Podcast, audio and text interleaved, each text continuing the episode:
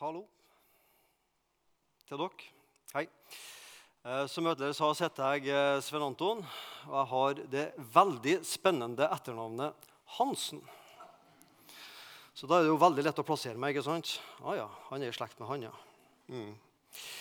Men du hører fort at jeg ikke vokste opp her i eh, Rogaland, men ble gift til Rogaland etter hvert.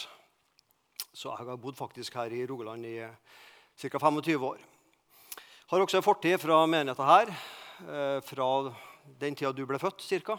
Det er ca. så lenge siden at jeg jobba her litt. Noen år. Um, nå jobber jeg som pastor i Misjonssalen i Sandnes. Det er den gamle brannstasjonen, hvis noen vet av det bygget. I tillegg er jeg også pastor i noe som heter Norea Mediemisjon. Det, men det er alltid kjekt å komme tilbake til Salem og dele noen tanker. Marius han utfordra meg til å si noe om dette med fellesskap. Eh, og det ble ikke så veldig spennende til, til, overskrift 'Fellesskap med Gud og hverandre'. Eh, men det er det det skal handle om. Eh, så snakka jeg med Marius for en par dager siden. Eh, han har som mange av dere vet, vært en tur i Nord-Afrika, kikka litt på misjonsarbeidet der. Eh, og Han hadde gledet seg til å komme og fortelle litt om det her, men uh, det får dere ha til gode til en annen lørdag. Uh, før jeg starter litt på det her, så, så ber jeg litt, jeg også. Kjære Jesus Kristus, vi takker deg for at du vil ha fellesskap med oss mennesker. Du som ikke vi som ikke kan kreve at du vil ha med oss å gjøre. Vi som bare kan bøye oss for deg og spørre om du aller nådigst vil se til oss og ha fellesskap med oss. Vi takker deg, Jesus, for uh, det fellesskapet um, du har gitt oss gjennom din sønn, Jesus Kristus. Og vi ber Jesus at uh, du skal være oss nær nå på alle måter. Amen.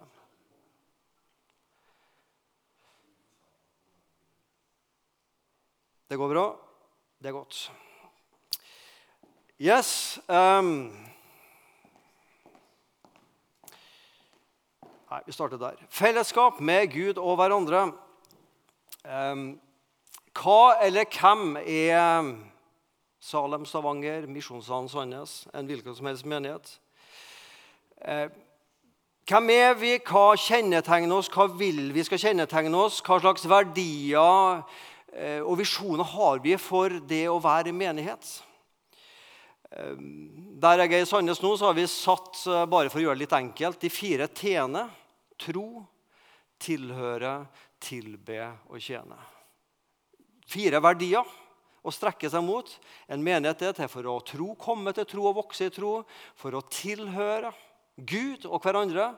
For å tilbe Jesus og for å tjene hverandre. Og I dag skal jeg snakke om tre av disse t-ene. Tro og tilhøre og tjene. Det blir mest om tilhøre. Men vi må starte med det grunnleggende. For når det er snakk om å ha fellesskap, så er det det mest grunnleggende fellesskapet vi kan ha, det å ha fellesskap med Gud. Og eh, da er tro essensielt. Har vi ikke tro på Jesus, har ikke vi tro på han som er verdens frelser, så har vi heller ikke fellesskap med Gud. For av nåde er dere frelst ved gode gjerninger. Det står det heldigvis ikke. Det står ved tro. Og dette er ikke av dere selv. Dette er Guds gave. Ja, Det er ikke av gjerninger vi gjør for at ikke noen skal rose seg. Og jeg er sikker på det at Hvis vi har tatt en håndsopprekning her, hvor mange har lest ordet før, kanskje kan det utenat, så tror jeg mange kunne rakt opp hånda. Jeg skammer meg ikke ved evangeliet, sier Paulus til romerne, for, eh, for ved det, altså ved evangeliet, for det er en Guds kraft til frelse for hver den som tror. Både jøder først, og så greker, og så nordmenn og til og med svensker. For i det, altså i evangeliet, så åpenbares Guds rettferdighet av tro og til tro. Som det står skrevet i Det gamle testamentet.: Den rettferdige av tro skal leve. Den som er rettferdig av tro, han skal leve. Og den som er rettferdig, skal leve av tro. Begge delene. Tro er sentralt. Og Disse bibelversene uttrykker sentrum i vår tro, i vår bekjennelse og hva vi står for. Og Det er på en måte dette er navet i sykkelhjulet. Dette trenger ikke jeg forklare, det skjønner vi alle. Uten et nav i midten av et sykkelhjul så skjønner du at du kommer ikke noen vei videre på sykkelen. Det er det som binder oss sammen, og som fører oss framover. Troa på Jesus Kristus, på evangeliet. Vi går videre til å tilhøre, som det meste skal handle om i dag. Og når vi snakker om å tilhøre, så har det en dobbel dimensjon. Det handler om å tilhøre Gud, og det handler om å tilhøre ei menighet. Det mest grunnleggende er at vi må tilhøre Gud. Og troa er det som gjør at vi kommer i kontakt med troa på Jesus, er at vi kommer i kontakt med den treende Gud og blir hans barn. Bibelen snakker om tro og om dåp. Han, altså Jesus, kom til sitt eget, og, eller menn, hans egne, de tok ikke imot ham. Men alle dem som tok imot ham, dem ga han rett til å bli Guds barn, de som tror på hans navn. Altså I møte med Jesus så var det noen som ikke trodde, og så var det noen som trodde. Sikkert noen som ønsker å holde seg sånn midt imellom sånn eh, tro når det passer, og lavere å tro når det blir for tøft. Nei, det går ikke. Kan ikke være lunken. Enten er du varm, eller så er du kald. Enten tror du på Jesus, eller så tror du ikke på Jesus.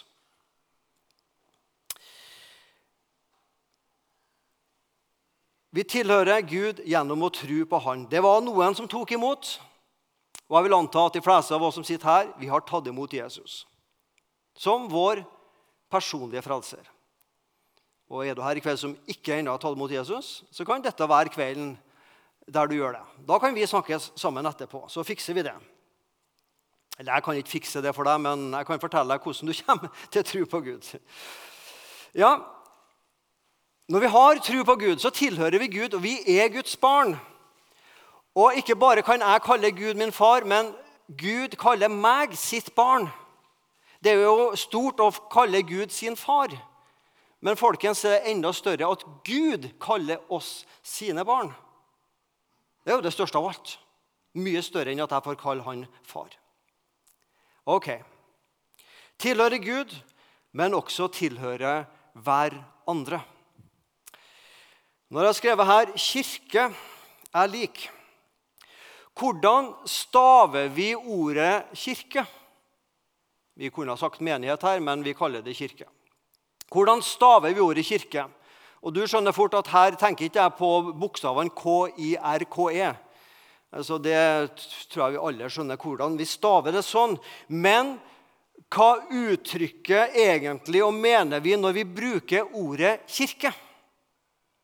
Fins det et synonym for ordet kirke eller menighet? Ja, det gjør det, og det er hverandre.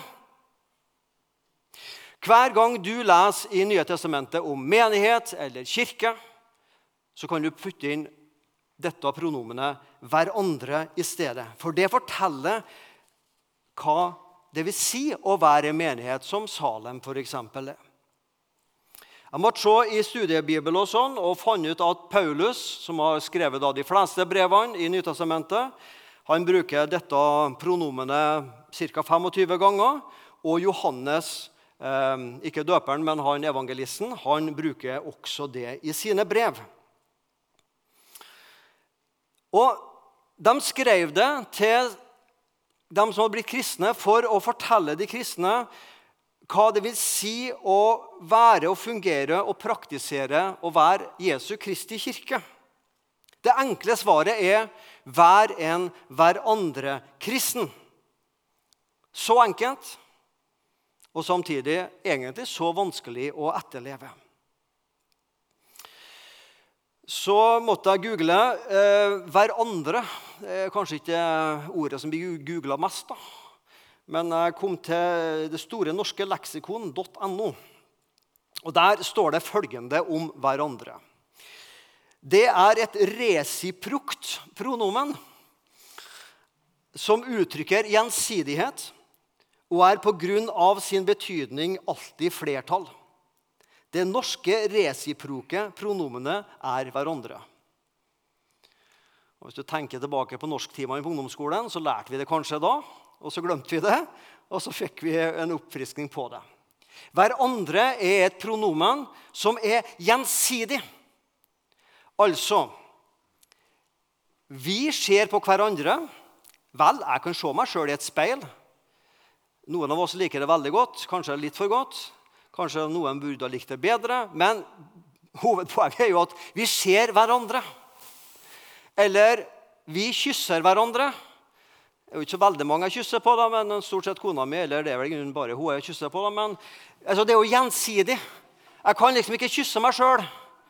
Det virker teit. Eh? Gjensidighet. Eller vi kjenner hverandre. Ja, Du skjønner poenget her. Det er gjensidighet. Og det å være kirke, det er å stå i en gjensidig på en måte forpliktelse til hverandre. Og her må vi skille. Når det gjelder frelsa og det å bli Guds barn, så er det ingen gjensidighet i Bibelen. Det er ikke sånn at Jesus gjorde sitt, og så gjør jeg mitt, og så legger vi det sammen, og så er det ordnings. Nei, Når det gjelder frelsa, så er det ikke en sånn gjensidig balanse mellom Jesus og meg og deg. Frelsen er en enveishandling fra Jesus og Gud til oss. Og samtidig vi svarer på denne frelsesinnbydelsen med å si ja eller nei til den. Der er det på en måte en gjensidighet. Men i det kristne fellesskapet så er det basert på gjensidighet. Jeg kan ikke ha kristent fellesskap alene. Det minste kristne fellesskapet jeg kan ha, det er f.eks. meg og kona mi. Vi kan be sammen, vi kan lese en andakt sammen, og vi har et åndelig fellesskap. Du er to stykker. Ja vel, eh, Man kan jo kanskje være i fengsel alene og be til Gud. Og, men, ja, du skjønner, men for de fleste av oss, 99,9% så er fellesskap noe vi gjør sammen. Gjensidighet. Hver andre kristne. Vi er en del av et kristent fellesskap. Og Det er derfor Paulus og Johannes er så opptatt av å bruke dette pronomenet 'hverandre' for å si noe om betydningen av å tilhøre et fellesskap og din plass og min plass i det fellesskapet. Disippelen Johannes i sine tre brev han snakker ofte om å elske hverandre. Et flott uttrykk å elske hverandre. Men, men det er jo ganske luftig, da. Og Der er Paulus forstå meg rett, bedre enn Johannes, fordi Paulus er mer konkret hva det vil si å elske hverandre.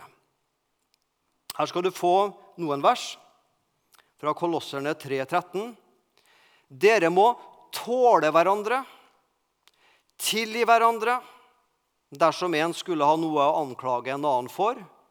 For liksom Kristus har tilgitt dere, skal også dere tilgi hverandre. Bare i dette verset så brukes eh, pronomenet 'hverandre' tre ganger. Paulus snakker om å ikke lyve for hverandre, bære over med hverandre, tilgi, lære og rettlede hverandre. Det er tanken med å være i et kristen fellesskap. Vi kommer ikke hit bare for å oppleve noe, for å liksom være en lørdagskveld eller søndag formiddag og liksom bare være en plass. Eh, jeg syns det er veldig kjekt med kirkekaffe og til og med med hamburger. ikke sant? Alt det der. Jeg liker jo det, jeg også. men Kristen fellesskap er jo at vi er med hverandre, vi er med Gud, vi hører fra Gud, og vi hører det samme, vi tror det samme, og så styrkes vi sammen i fellesskapet. Det er nå én ting, men kanskje enda vanskeligere i hverdagen. Når vi skal tåle hverandre, når jeg har gjort noe galt mot deg, og du må tilgi meg, eller jeg må tilgi deg, og bære over med hverandre det kjenner mange av oss er mer utfordrende. Jesus er vårt forbilde når det gjelder å tilgi. Slik som han tilga oss, skal vi tilgi hverandre. Vi skal tåle hverandre, og vi skal klare å se hverandre i øynene. Jeg tror det må være noe av det vanskeligste å komme til en menighet og du vet, og du gruer deg for å møte den og den Eh, for du vil ikke møte blikket fordi det er noe uoppgjort. Det må være vanskelig. Det er vanskelig å be om unnskyldning. Og det er også vanskelig å ta imot en unnskyldning også. Jeg tror det har alle av oss som sitter her, erfart. Jeg også. Tenk deg et fellesskap der hver av oss tenker mer på de andres beste, og der de andres behov settes foran mine egne sjølsentrerte ønsker. Et slikt kristen fellesskap vil folk trekkes mot, vil mange tilhøre. Og en slik kirke, der skaper vi og lever vi ut hverandre kristendom. Jeg håper også Salem og Misjonssalen og egentlig alle menigheter kan være også menigheter der vi lærer oss å savne hverandre. Når noen uteblir ikke én og to ganger, men kanskje tre og fire, og det går en stund At man kan kjenne seg at man er savna. Noen savner meg. At vi spør etter hverandre. Og også en menighet der vi tør å utfordre hverandre på tro, på livsstil. Ja, det å ansvarliggjøre hverandre. Jeg sa innledningsvis at jeg også jobber i Norea Mediemisjon. Og nå skal dere menn kvesse øynene, øynene, ørene litt ekstra. For vi i Norea vi har bearbeidet et amerikansk opplegg, opplegg som vi på norsk kaller Troens menn. Det er bl.a. tre bøker. Du, finner, du har en hjemmeside som heter Troens menn. Og der, Det å være mann det er i forhold til ekteskap og barn og økonomi og tro og bibellesing og bønn osv. osv. Og Der er det ofte mannsgrupper som kommer sammen for å snakke om konkrete ting. Og der jeg vet at mennene utfordrer hverandre. Sånn at neste gang jeg møter igjen denne mannsgruppa, så kommer de til å spørre meg hvordan gikk det Svein, med det som du sa sist at du skulle forbedre deg på i forhold til kona eller arbeidskollega. Det å ansvarliggjøre hverandre. Menn trenger det. Også damer trenger det sikkert også. Troens menn å utfordre og ansvarliggjøre hverandre.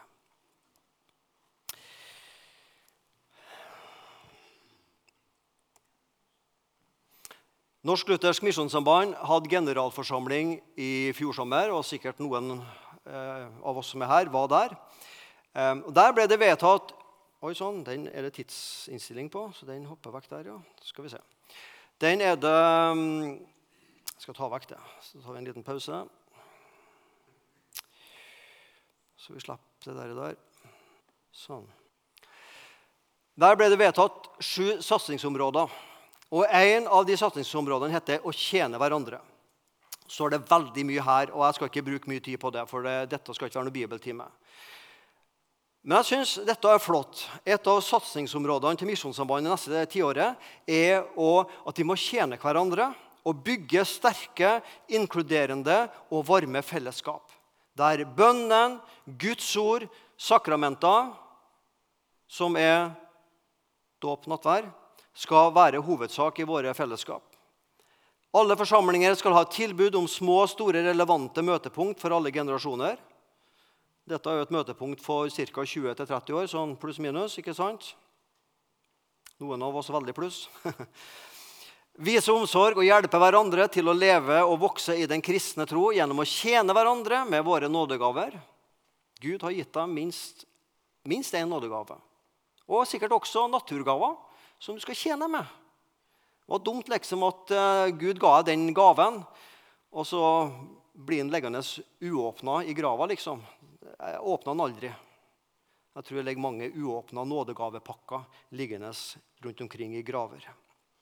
Vi skal vise omsorg for hverandre, hjelpe hverandre til å leve og vokse i den kristne tro gjennom å tjene hverandre med våre nådegaver ja, det var det jeg sa, ja, ja, og bidra til at det bygges relasjoner mellom mennesker i ulike generasjoner og livssituasjoner. Ja, Det å også bli kjent med noen eldre noen yngre troende ha noen å lære av, det tror jeg er man, Det har vi igjen av, alle sammen. Har vi igjen for. Styrke relasjonen mellom utsendingene og fellesskapet Norge. Det at vi er misjonsforsamlinger som har misjonærer ute, og så får vi tilbakemeldinger. Det tror jeg er viktig, sånn at liksom, misjonsgløden den er, den er sterk og brennende. Og det skal alltid være plass til flere i våre fellesskap. Ikke bare plass på stoler, men også plass i mitt liv, i min sjuende sans og i min vennegjeng. Jeg syns det er trist når jeg hører om at folk kommer inn i kristne forsamlinger og så Nei, det er ikke plass i vår bibelgruppe. Eller nei, det, vi har ikke plass til dem, vi heller. Alle som kommer ny, må vi på en måte, vi må ha åpne hjem og åpne fellesskap og åpne kjøleskap og åpne bibler og hva det er, folkens. Jeg tror det er viktig. Ja. Vi vil bygge sterke, inkluderende og varme fellesskap. Og gjør vi det, så vil mennesker trekkes mot kristne kirker og menigheter som bl.a. Salem.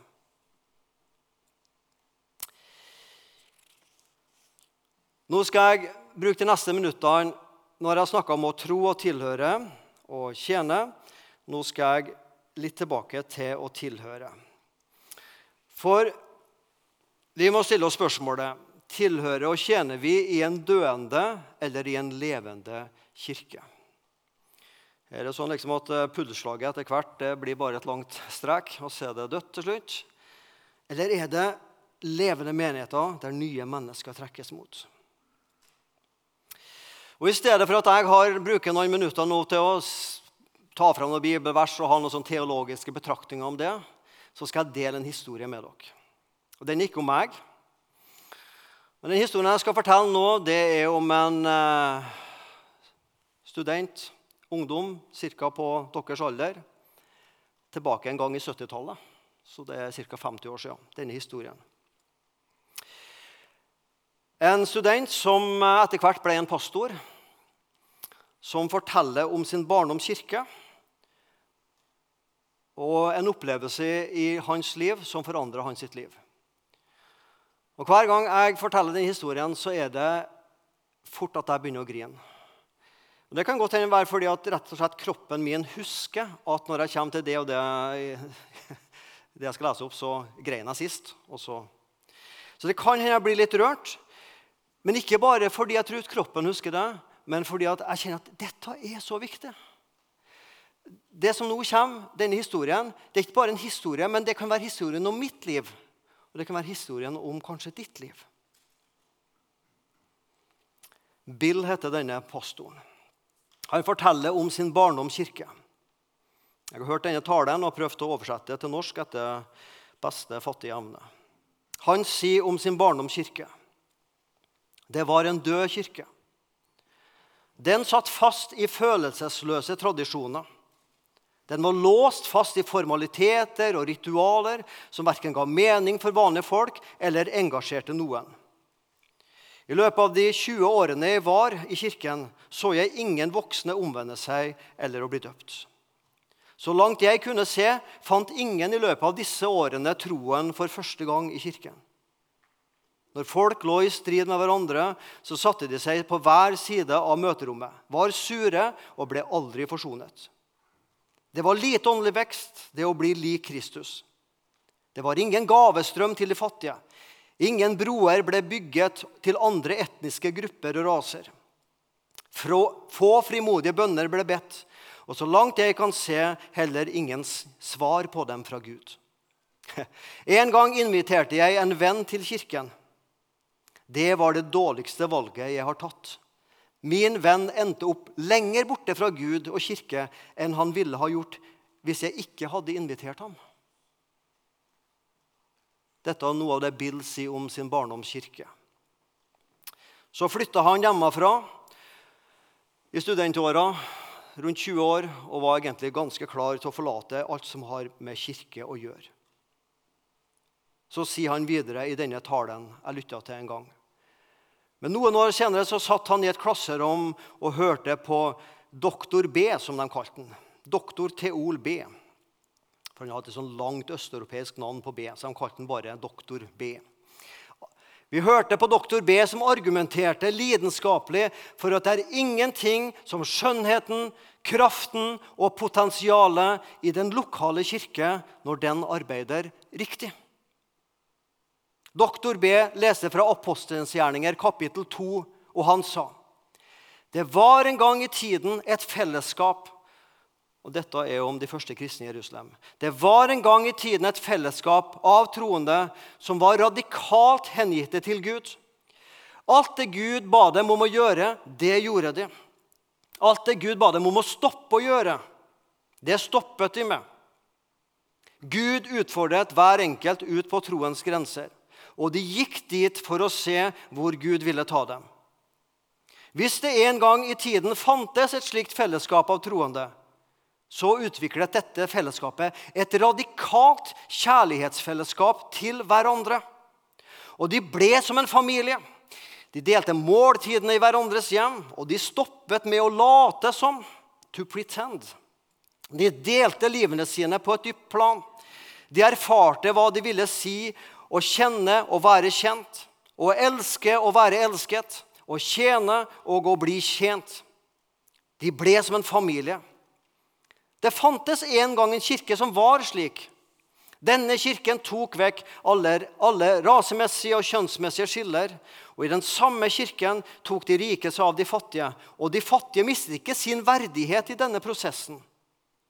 I den samme kirken ble modige bønner bledt og besvart. Og Guds mektige hånd var over dem slik at folk ble vant til å rope 'Å!' i frykt, i Guds frykt og beundring. Den samme kirke brydde seg så mye om de som var utenfor troen, at de spredte troen kreativt og uimotståelig selv om de risikerte sine liv. Og Dette var under tid med forfølgelse, hvor du kunne miste ditt eget liv ved å dele troen. Men de gjorde det likevel. Studenten Bill forteller at doktor B snakket om hva en kirke kunne og skulle være. Og han avsluttet noen av sine timer med å si Og nå vil jeg be dere virkelig lytte. Han avsluttet noen av sine timer med å si Fortell meg, studenter, svar meg på dette spørsmålet. Hvis en slik kirke eksisterte på vår planet i det første århundret etter Kristus Fortell meg hvorfor en slik kirke ikke kan eksistere i vår kultur i dag.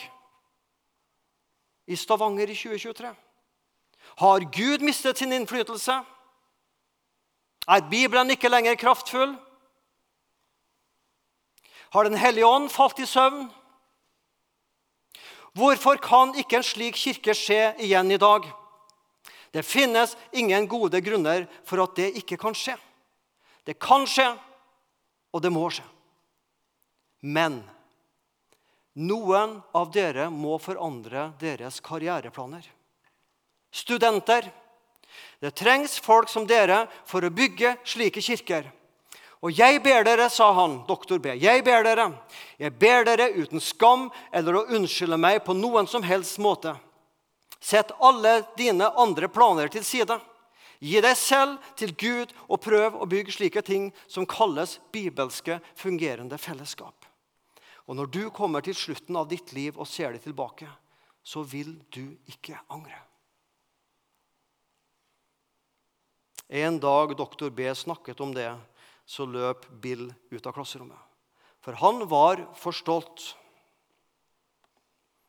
For han var for stolt til å la sine medstudenter se hans følelser og tårer. Han satte seg i bilen og ga sitt liv til dette å bygge Guds kirke. For, som Bill sier, doktor B hadde tegnet bilde av en stor visjon som var så mye større og mer verdig å gi seg selv til og mitt eneste liv til enn det jeg hadde tenkt å gi mitt liv til og følge i min fars businessfotspor. Og Bill innså at hvis jeg at hvis jeg ga mitt liv til noe mindre enn denne store drømmen å bygge en apostelgjerninger to-kirke i vår tid, så vil jeg angre det for resten av mitt liv.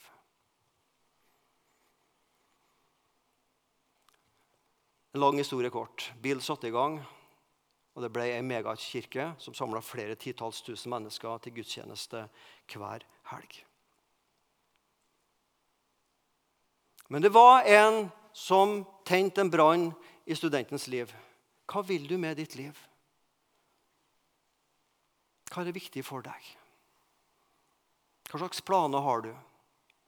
Hva slags planer tror du Gud har for deg? Må du gjøre noen endringer? Og Dette betyr ikke at du skal slutte å studere til lærer eller sykepleier og alle skal på teologistudiet. Det er ikke det det betyr. Men hva vil du bruke det livet du har foran deg? Om ti år så er jeg pensjonist. Så gammel er jeg. Du har det meste foran deg i livet. Hvis vi i hvert fall lever statistisk til vi er 85 år. Du tror på Jesus. Du tilhører Gud, du tilhører menighet. Hva vil du tjene med? Hva vil du bruke resten av livet ditt til?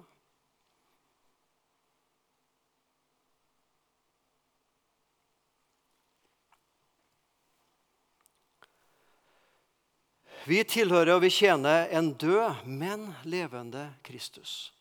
Han var død, men se, han lever. Jesus kom for å tjene oss. Ikke for å få flest mulig tilhengere som skal tjene han. Men han kom for å tjene oss. Han ga sitt liv. Han la sitt liv ned. Han ofra sitt liv for syndere som deg og meg. Et nytt liv. Et liv gjennom tro og dåp så flytter Den hellige ånd inn her. Og Så står det i Bibelen at den krafta som reiste Kristus opp fra de døde, den krafta bor i hjertet på alle troende. Tror du det? At den krafta bor i deg? Når du ser deg sjøl i speilet om morgenen Hei, Oppstandelseskrafta i meg, liksom. He?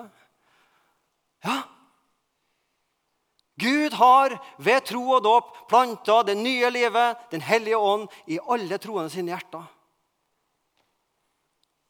For at vi gjennom det skal tjene, skal tilhøre, skal tro og vi skal tilbe. Og bruke våre liv slik at det tjener Guds rike best. Og så er det noen av dere som skal bli lærere og sykepleiere, tømrere osv. Det, det er opp til Gud og deg. Det skal ikke jeg si noe på. Men jeg vil be deg tenke gjennom hva vil du bruke ditt ene liv til.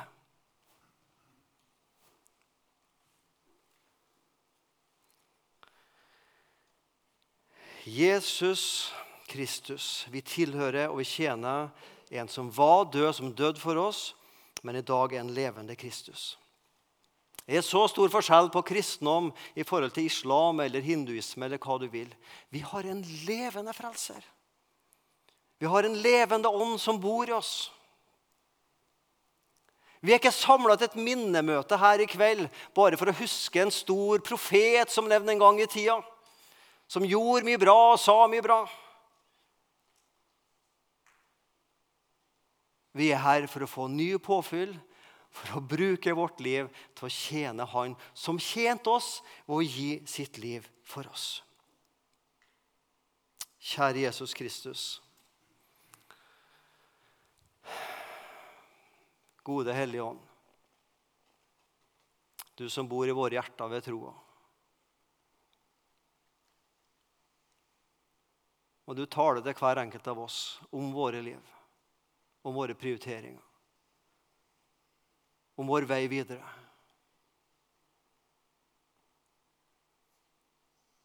Sjøl vi som begynner å se at det fins en pensjonistdato noen år fram i tid, kan enda tjene deg, Jesus. Takk og lov for det. Men her sitter mange ungdommer i kveld, studenter, eller folk som er i arbeid, som har forhåpentligvis et langt liv foran seg og du går inn til hver enkelt. Først å snakke om tro, om at vi virkelig tror på deg, Jesus, at du bor ved troa i våre hjerter. At vi kan ransake oss sjøl og virkelig kjenne om du, Jesus, er i våre hjerter eller ikke. Og At vi får klarhet i det. Og at vi kan kjenne gleden av å tilhøre Gud og tilhøre en menighet. At vi tilber deg. Og Så får du snakke med oss hver enkelt om, som et hverandrefellesskap når det gjelder tjenester, Jesus. Nå, i vår tid, i 2023, og i 2025 og 2030 hvis vi lever og du ikke har kommet igjen, Herre Jesus. Amen.